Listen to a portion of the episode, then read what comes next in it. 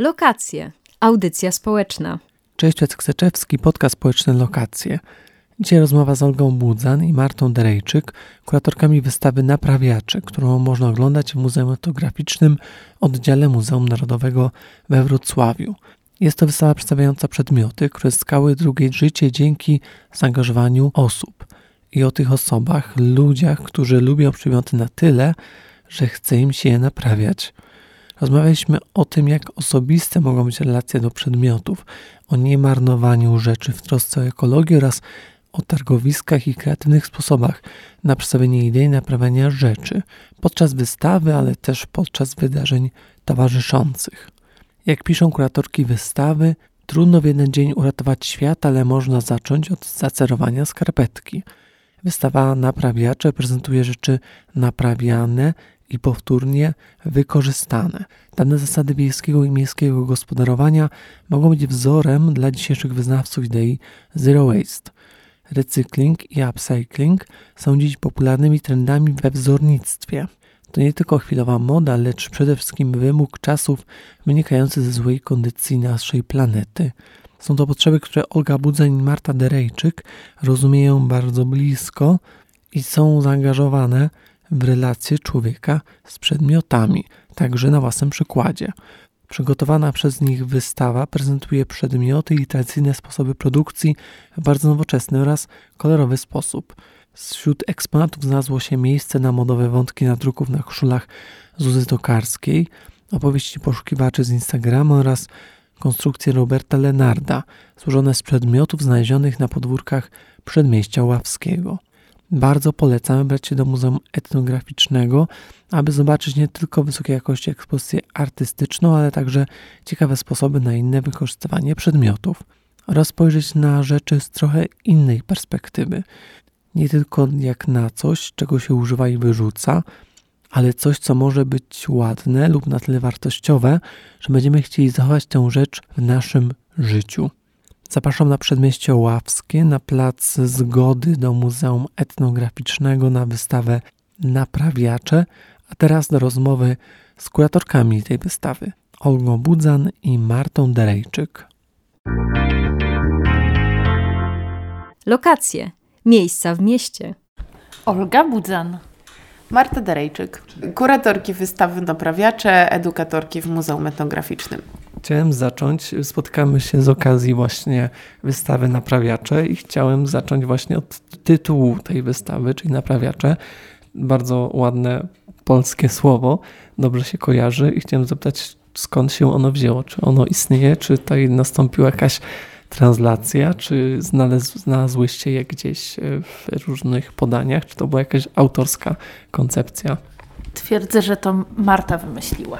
Naprawdę ja dlatego pokazałam na Ciebie, bo myślałam, że to Ty wymyśliłaś.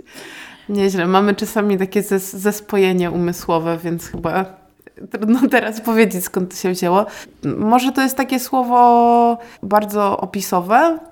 Nie wiem, czy ono istnieje. Ja myślę, że ono oddaje ideę. Jest, tak, jest, jest bardzo funkcjonalne, dlatego chyba nam się spodobało, yy, ponieważ zależało nam na tym, żeby podkreślić, że to jest wystawa o ludziach, którzy stoją za jakimiś interwencjami w rzeczy, a nie o samych rzeczach. Jeśli mówimy o naprawiaczach, no to mówimy o tych osobach, które coś zrobiły, a nie tylko o tych rzeczach, które są efektem ich działalności. Trudno było opisać wystawę jednym słowem, choćby takim słowem istniejącym, poprawnym po polsku, tak? Dlatego, że nie chciałyśmy sugerować, że na przykład wystawa jest poświęcona ginącym rzemiosłom albo jakiemuś współczesnemu designowi, więc takie słowo, mm, trochę takie słowo wytrych można powiedzieć, zostało tutaj użyte. W związku z tym, że y, sama wystawa ma, można powiedzieć, taki trochę ef efemeryczny charakter. Jakby bardzo różnie roz rozumiemy to naprawianie. Nie zawsze tylko tak technicznie. No właśnie, bo jest to bardziej wystawa o idei naprawiania niż o technikach naprawiania. Jest to wystawa o tym, dlaczego to robimy i wystawa o tym, jakie to ma znaczenie. I my to tak y, też y, streszczamy czasami, że jest to wystawa o naprawianiu jako o sposobie myślenia o świecie, o sposobie podejścia do świata, o takiej aktywnej postawie wobec świata. Wobec świata, ale chyba też wobec przedmiotów, że dużo z takich wątków, że te przedmioty są bardzo ważne, miłe komuś, e, na tyle miłe, że właśnie ktoś chce je naprawiać i ktoś chce je korzystać z nich, co tkwi w tych przedmiotach, że one są takie warte naprawiania. Myślę, że przedmioty same w sobie są mocno ekscytujące. Myślę, że i, i ja, i Marta bardzo ekscytujemy się przedmiotami. Wiele ludzi dzieli z nami tą pasję. Można się ekscytować przedmiotem na różne sposoby, tak? Są kolekcjonerzy, ale przeważnie kolekcjonerzy zajmują się przedmiotami takimi, powiedzmy, w pełnej krasie możliwości. My też pokazujemy przedmioty kolekcjonerskie, tak jak na przykład Gibbon zaprojektowany przez Hannę Ortwein, który został sklejony jako przykład też zaopiekowania się czymś, co wszyscy wiemy, że jest bardzo cenne, ale ktoś wyrzucił to najpierw do kontenera na szkło, potem ktoś to znalazł, Urszula później to skleiła, więc tutaj jest taka historia, ale są też historie takie zupełnie prozaiczne, typu narzędzia rolnicze, które po prostu były w użytku y, i, i to widać. To jest, myślę, że dla nas dosyć ekscytujące. Patrzenie na te przedmioty, widzimy, że one były używane, że były praktyczne, że były potrzebne. Tutaj jest duża taka, dużo znaków zapytania, bo nie wiemy ani kto zrobił te przedmioty, w którym momencie, w którym momencie zostały naprawione. Jest to takie trochę wszystko bezimienne, ale jest to taka narracja, która może zostać przeprowadzona w głowie widza na wystawie. A jak wtedy wygląda autorstwo takiego przedmiotu? Jeśli ktoś coś naprawi, zmieni jego czy może kształt, czy, czy, czy na, naniesie coś na to, czy wtedy kto jest bardziej strony ten naprawiacz, czy autor oryginalny? To jest bardzo dobre pytanie. Często jest tak, że przedmiot po interwencji takiego naprawiacza już się staje zupełnie inną rzeczą i z rzeczy prostej i mało wartościowej nagle staje się dziełem sztuki.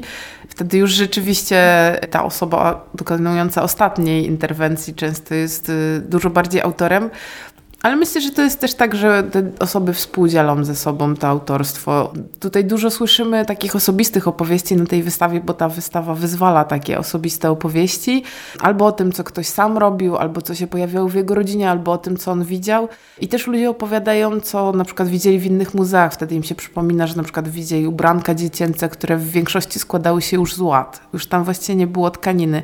I to jest taka opowieść z jednej strony o biedzie, ale z drugiej strony o tym, że ta rzecz cały czas jest w procesie i w konstruowaniu do ostatniego momentu i jeśli człowiek ciągle się nią zajmuje, to ona ciągle żyje, ma szansę żyć. A to było też dla nas ważne, żeby pokazać, że życie przedmiotu też zależy od nas.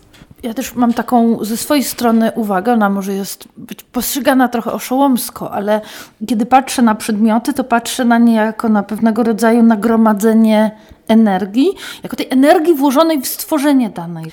Ten czas, te, te, te ruchy rąk. Ja jestem hawciarką, więc dla mnie to jest też taki bardzo ważne, ile razy ktoś... Tak, tak, ile razy ktoś jest w stanie tam, tą igłą przebić tkaninę.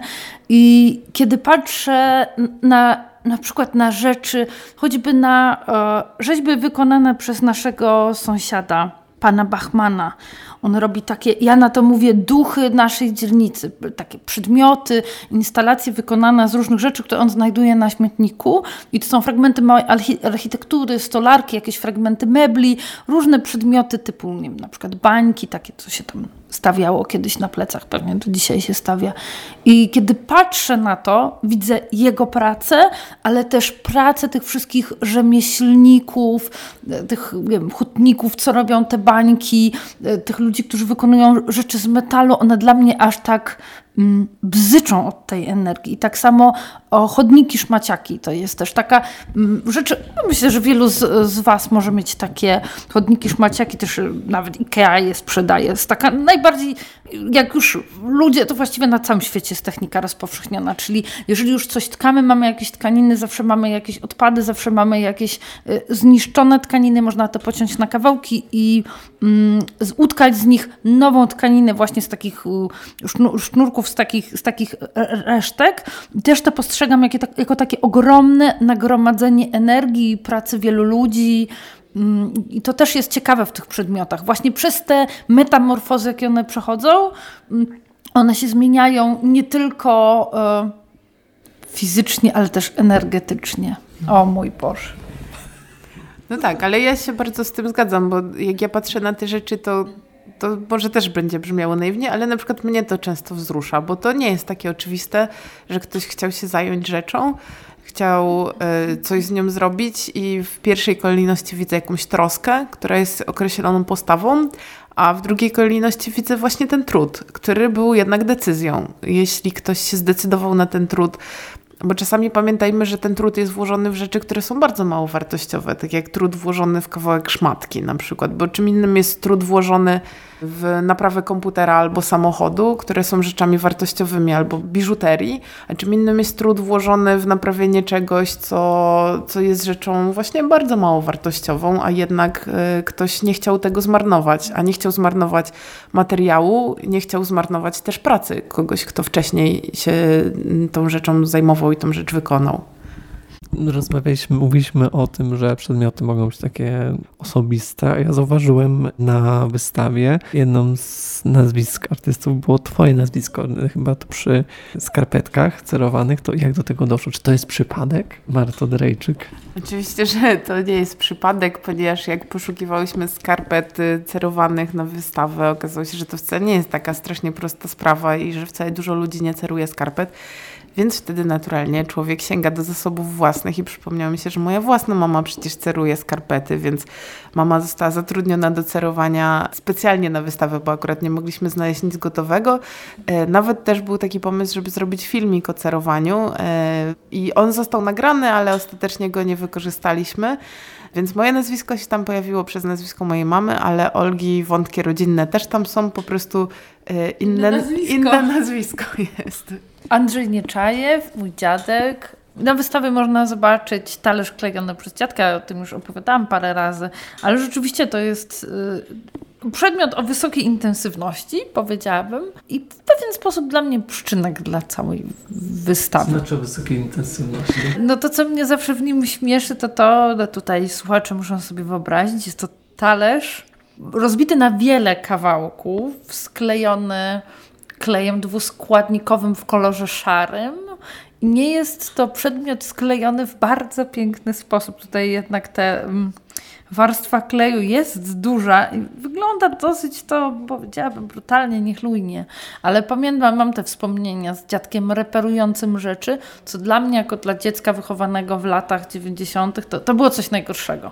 Ja o tym mówię wprost. Teraz mamy zupełnie inne czasy, zupełnie innych rzeczy uczy się dzieci ale dla mnie to dla, jako dla dziecka wychowanego w, takich, w takim momencie historii e, Polski, w którym wszyscy chcieli nowego. To jest jedno, że nowe, a drugie to z fabryki.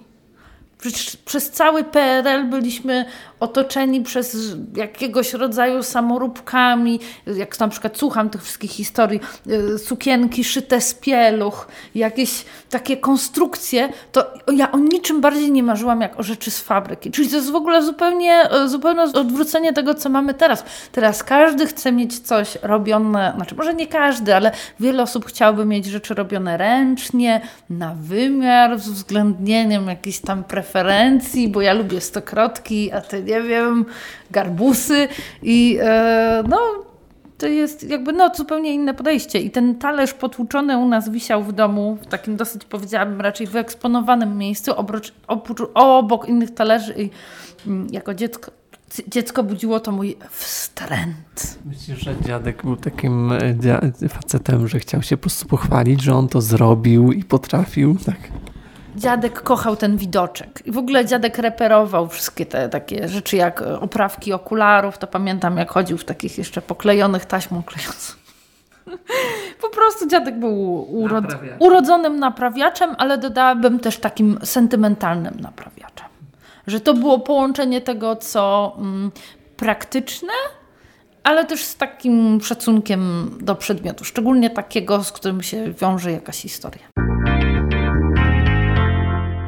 Lokacje, miejsca spotkań.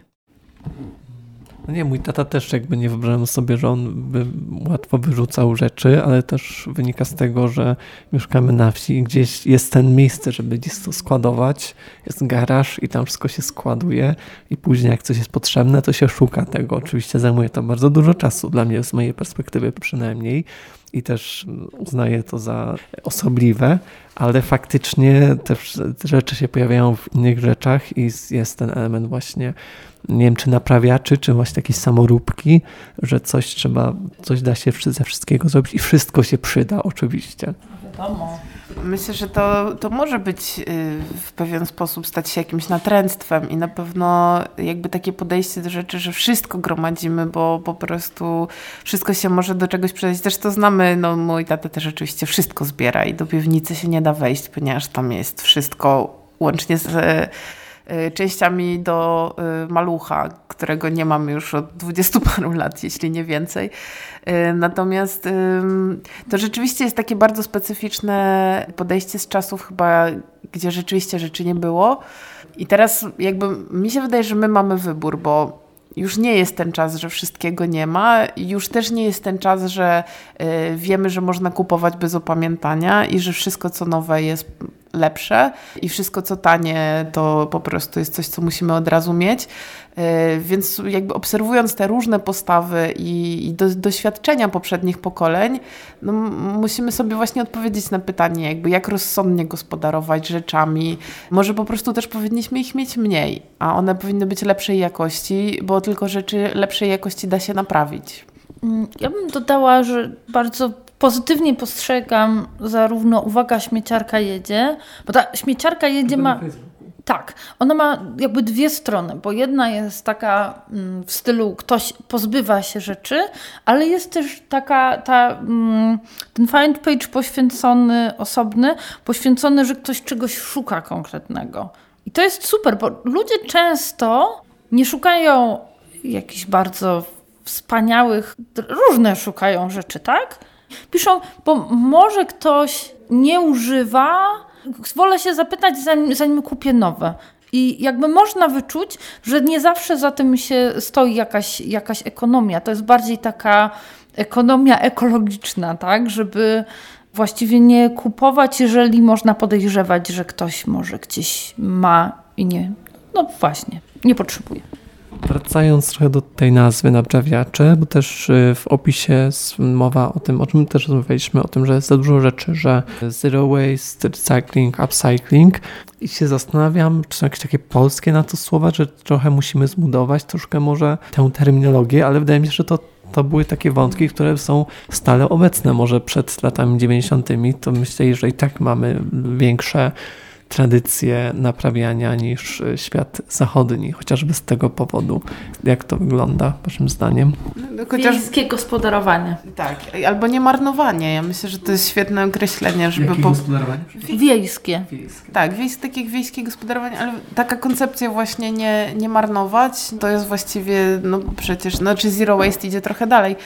No ale to jest tak, że właśnie mi nie przeszkadzają te współczesne hasła, bo one jakby powodują pewien zdrowy trend, wywołują, ale rzeczywiście jak już ktoś się tym zacznie interesować trochę bardziej, to widzi, że to wszystko już było. Znaczy było najczęściej z innych powodów niż dzisiaj, bo dzisiaj to wynika z naszej decyzji i poczucia odpowiedzialności. Nie musimy, a chcemy. Natomiast kiedyś ludzie też musieli, więc jakby jeśli może by ich zapytać, jeśli może by mieli wybór, to może by wcale nie chcieli przerabiać bez końca i naprawiać.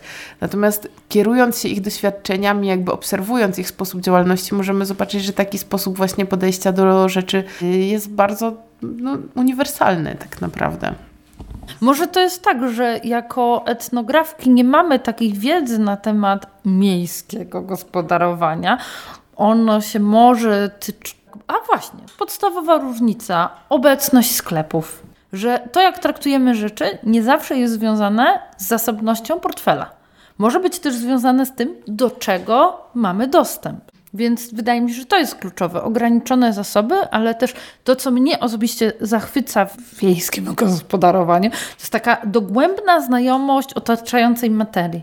Czyli jakie mamy gleby, czy mamy jakieś gliny, jakie mamy drewno wokół siebie, jakie ono, jak, jakie ono, ono ma charakterystykę. Dogłębna znajomość tych rzeczy sprawia, że ludzie funkcjonują tak, a nie inaczej, właśnie w ramach tego swojego mikroekosystemu. Czyli takie życie bardzo harmonijne z tymi gatunkami roślin, jakie mamy wokół siebie, z tymi zwierzętami, jakie, wokół nas. To jest, to jest bardzo inspirujące, bo to jest to, co się teraz tak postuluje, tak? że zastanów się, skąd pochodzą, e, nie wiem, warzywa, które jesz, tak? Niech to lepiej będzie coś, z, co jest urosło niedaleko. No to to jest podstawa wiejskiego gospodarowania. Nie sprowadzamy, jeżeli nie musimy z jednej strony właśnie te tradycje, rzemiosło, ale z drugiej strony, i też to pokazujecie, wydaje mi się, na wystawie, że są osoby, które są młode i które też podchodzą tak bardzo nawet instagramowo, czy tworzą, jakby nie są specjalistami, specjalistkami, ale mimo wszystko właśnie bardzo im się podoba ten, ten koncept, że może coś naprawić i w ten sposób też opowiadają innym osobom i to się staje takie nawet y, modne. No tak, my ich tutaj nazywamy czasami pozytywnymi influencerami. Rzeczywiście jest cały taki ruch y, osób, które właściwie całe swoje social media prowadzą. Cała ich działalność jest poświęcona temu, żeby promować dobre wzorce i to w sposób taki czasami bardzo radykalny, ale to myślę, że to, to właśnie fajnie. Jakby no już chyba tak teraz się posługujemy takim językiem, że już nie ma miejsca na jakieś takie postawy niezdecydowane i niuanse, że często to jest tak, że już naprawdę się opowiadamy po jakiejś stronie i te osoby to pokazują, że można po prostu naprawdę bardzo zdecydowanie prowadzić swoje życie według jakichś określonych zasad. Jeśli decyduje się nie marnować, no to robię to po prostu na każdym etapie. Można y, urządzić sobie dom rzeczami wyciągniętymi ze śmietnika, można sobie się ubrać rzeczami wyciągniętymi ze śmietnika, jak się okazuje, to całkiem nieźle, często dużo lepiej niż w sieciówce, e, a nawet są tacy, którzy jedzenia nie kupują, tylko e, je znajdują. To już jest takie może trudniejsze do zaakceptowania, ale są tacy, którzy udowadniają, że tak też się da, ponieważ naprawdę marnujemy tego wszyscy ogromnej ilości, szczególnie chyba pożywienia. Warto wspomnieć o tym, że są takie postawy, które możemy uznać za radykalne, ale one po prostu nie są radykalne.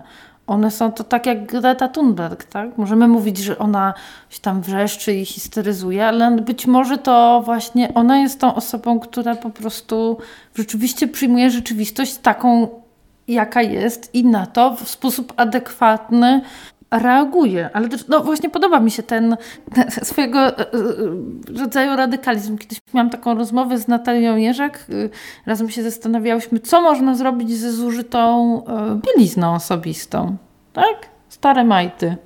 Kiedy rzeczy trafiają do sortowni, to jeżeli ktoś jest, coś jest w złym stanie nie nadaje się do noszenia, no to wtedy y, trafia do takiej mielarki i potem tam się to przerabia po prostu. Aha, właściwie można zrobić kilka rzeczy. Można zrobić z tego paliwo. Nie wiem na ile ono jest ekologiczne, ale wiem, że ze starych szmat można zrobić paliwo, jak egzotycznie by to nie brzmiało. A druga rzecz to można z tego rzeczywiście zrobić y, szmaty do podłogi, różnego rodzaju czyściwa. I jeżeli pociąć majtki na małe kawałki, tak żeby nikt nie myślał o tym, że to jest majtki, te osoby i tak pracują pewnie w rękawiczkach, no to wtedy po prostu możemy dać tym majtkom drugie życie pod, w postaci szmaty. Lokacje, miejsca społeczne.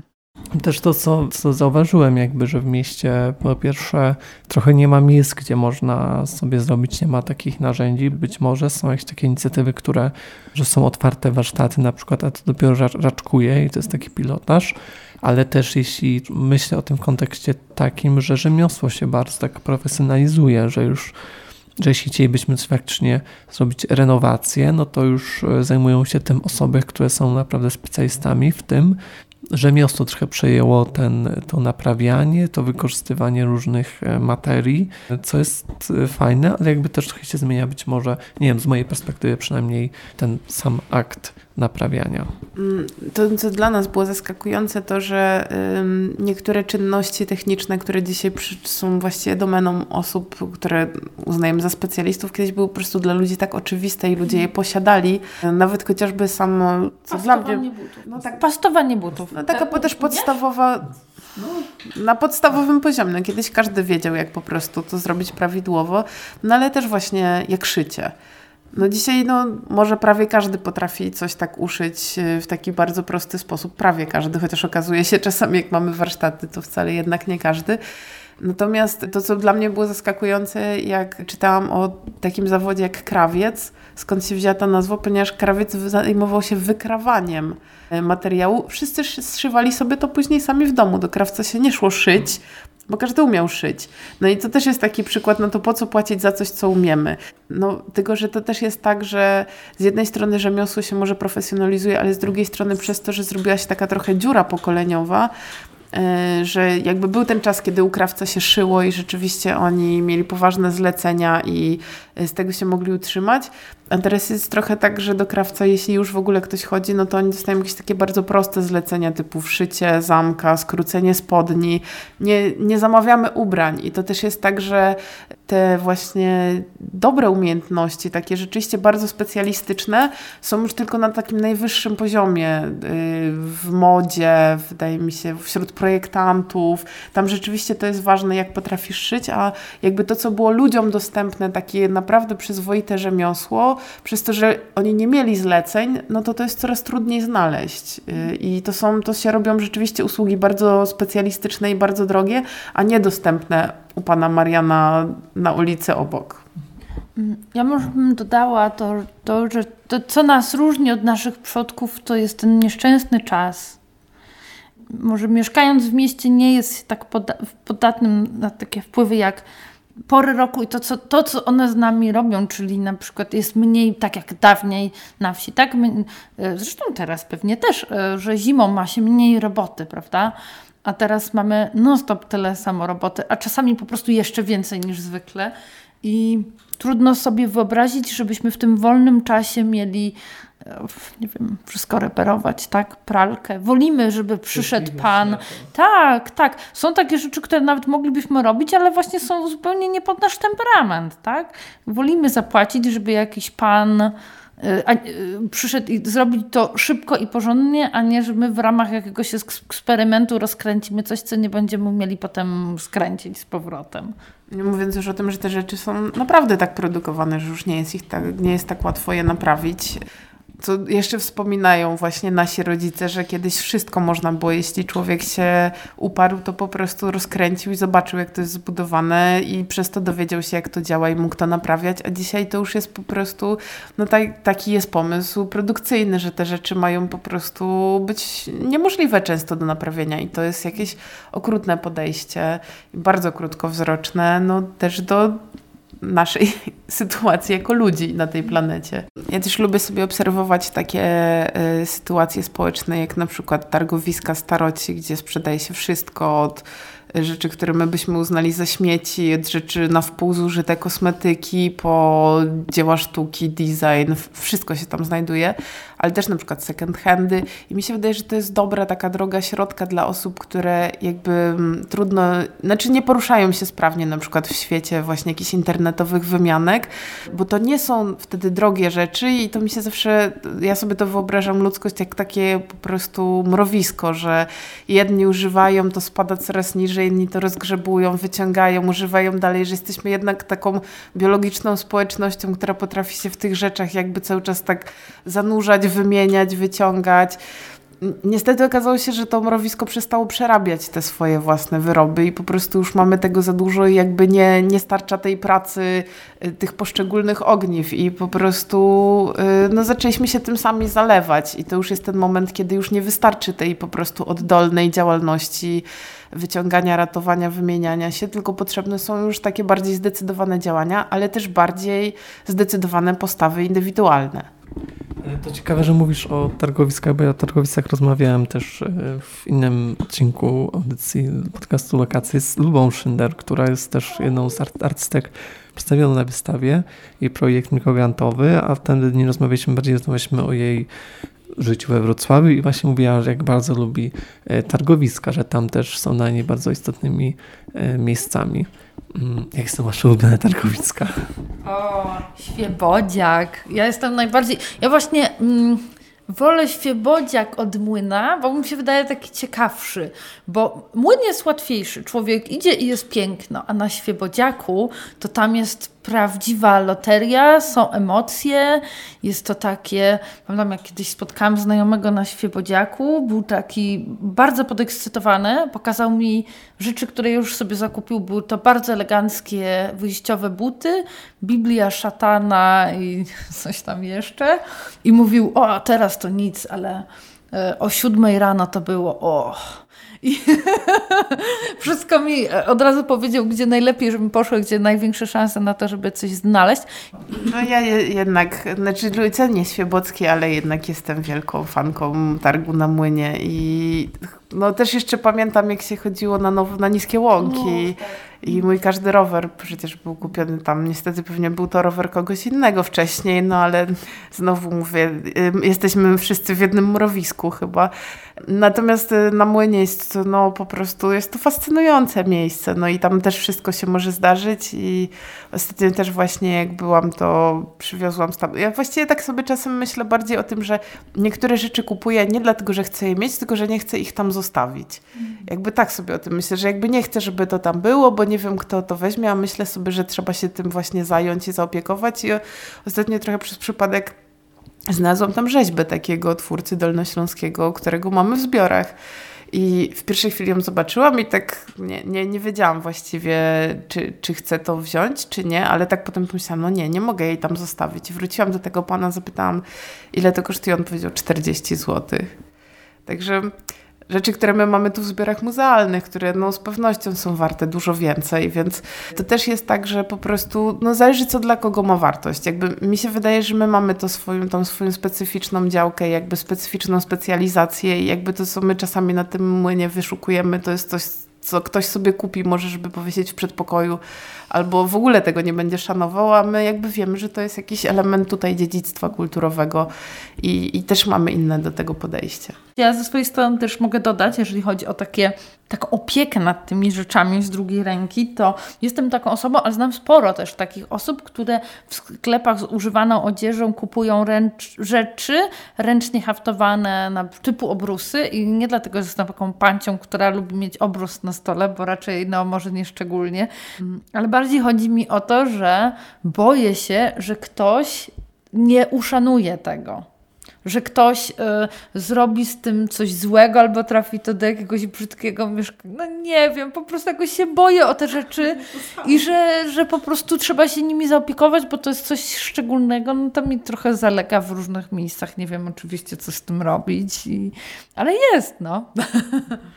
Co się, co się jeszcze działo wokół wystawy, bo też były warsztaty, tańce, w jaki sposób to tak nawiązuje co do tego aktu naprawiania parę warsztatów jeszcze przed nami, trochę już za nami. Jest to właściwie temat rzeka. Super, można to rzeczywiście było eksploatować i można i ciągle przychodzą nowe pomysły, co by można było z tym zrobić. Jestem aktualnie za warsztatem potwór ze skarpetki. Robiłam z dziećmi różnego rodzaju maskotki z rajtuzek i skarpetek. I to było rzeczywiście super. Jakby dla dzieci to było oczywiste, że z tej skarpetki, która jest taką czasami sierotką, tak? Pojedyncza skarpetka jeszcze z dziurą, można zrobić niesamowitego stwora i dzieci bardzo czuły tą ideę, tak? Że to jest coś, z czego można zrobić coś innego. Ale też przed nami warsztaty, teraz będzie mm, szycie japońskie, jeżeli ktoś by się y, interesował takim przynajmniej na poziomie takim hobbystycznym, introligatorką, to przed nami w najbliższą niedzielę można się już zapisywać. Oprócz tego po raz drugi zrobimy warsztaty pobite gary, czyli kintsugi po polsku, po pierwsze spotkanie spotkało się z bardzo pozytywnym odzewem i nie pamiętam, żebym kiedyś zrobiła warsztaty, które by się cieszyły takim zainteresowaniem, żebym musiała tylu osobom powiedzieć nie. Więc jeszcze raz będę chciała powiedzieć wielu osobom, mam nadzieję, tak. Więc zapraszam.